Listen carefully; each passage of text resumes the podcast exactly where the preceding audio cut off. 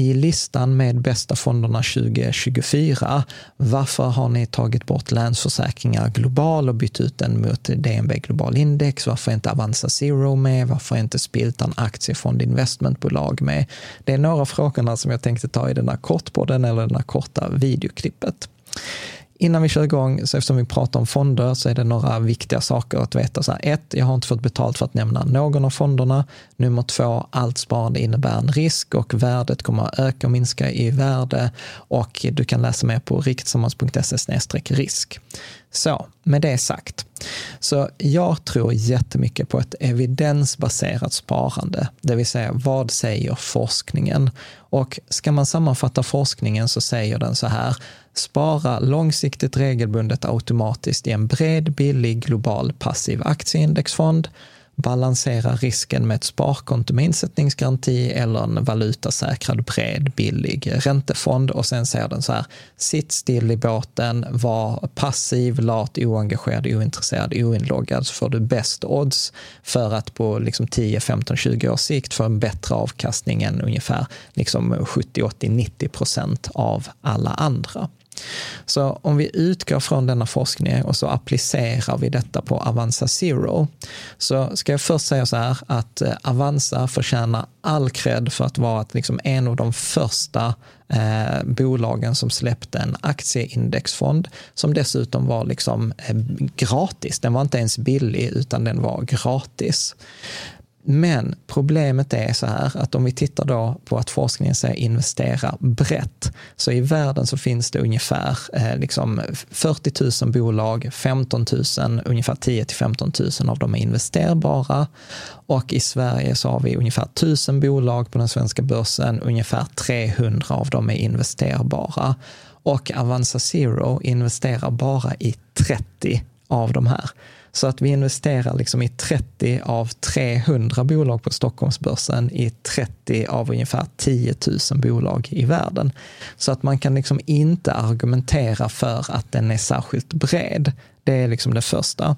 Det andra är att i forskningen så finns det liksom något som kallas för småbolagsfaktorn, att över tid tenderar små bolag gå bättre än stora.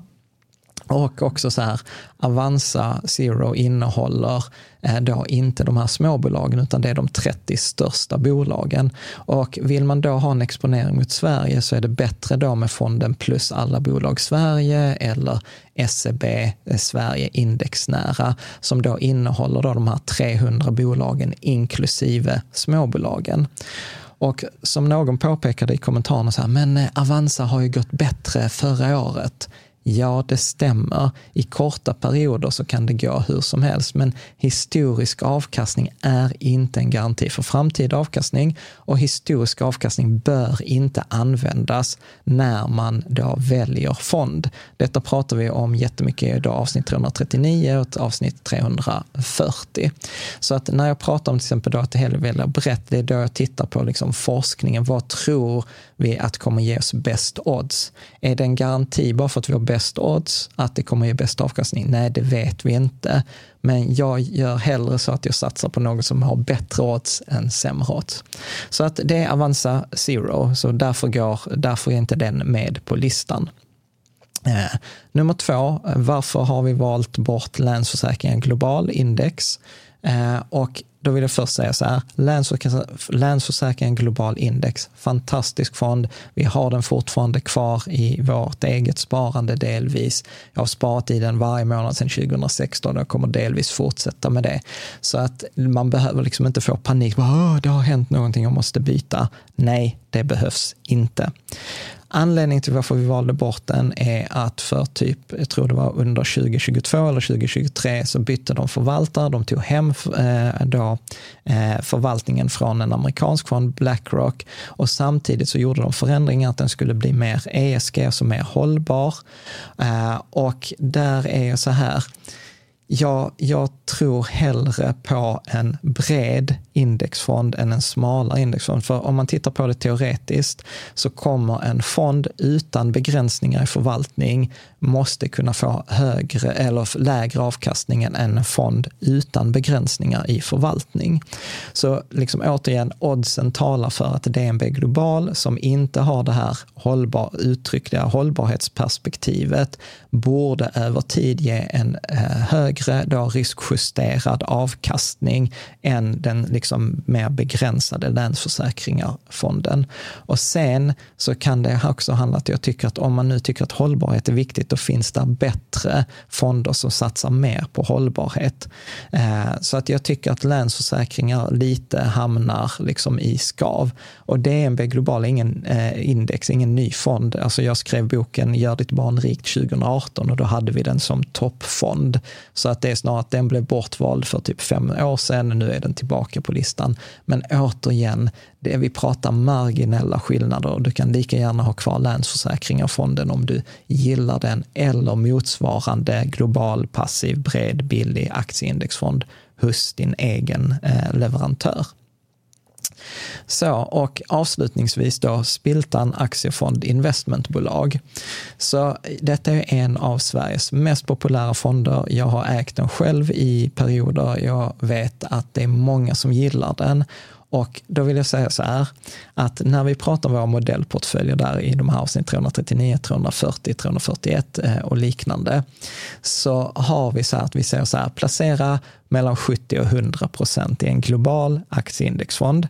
Om man då väljer det lägre, då 70 procent, då har man ju 30 procent kvar och då kan man fördela dem med ungefär 20 procent mot en svensk indexfond, till exempel den här plus alla bolag eller SEB Sverige indexnära.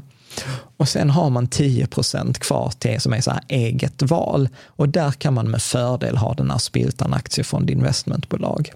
Anledningen till varför jag inte rekommenderar den på listan, det är några olika anledningar. Så den första anledningen är att när Spiltanfonden startade för många år sedan nu så var det fantastisk timing, det var en fantastisk fond. Eh, investmentbolagen handlades med rabatt så att eh, liksom du köpte någonting för 100 kronor men du fick 110 kronor i värde. Sedan dess är det, jag tror bara på Avanza, över 600 000 eh, sparare som äger den, där är över 40 miljarder i förvaltning ett kapital. Och Spiltan var häromåret tvungna själva att säga så att vi har ändrat inriktning på fonden. Fonden har blivit för stor. Vi kan inte investera i alla investmentbolagen och plötsligt så börjar man plocka in andra innehav. Till exempel 4% av fonden är just nu en ren indexfond, OMX30. En annan anledning som bara så gör det jättesvårt för mig, om vi pratar utifrån forskningen, bred, väldiversifierad, så är det så här att om jag placerar 100 kronor i Spiltanfonden så kommer ungefär 28 hamna i Investor 18 i industrivärlden. Så det betyder att 46 av de här 100 kronorna hamnar i två bolag. Eh, och lägger vi på ytterligare fyra bolag så att vi har topp sex innehaven, då står de för 70 procent av eh, innehavet i den här fonden. Och det är extremt smalt. Återigen, tänk på så här, tusen bolag på den svenska börsen, 15 000 bolag investerbara globalt. Och då är jag så här, varför skulle just investmentbolag gå bättre? Särskilt när investmentbolag utomlands går inte bättre än index. Det är bara i Sverige vi har haft det.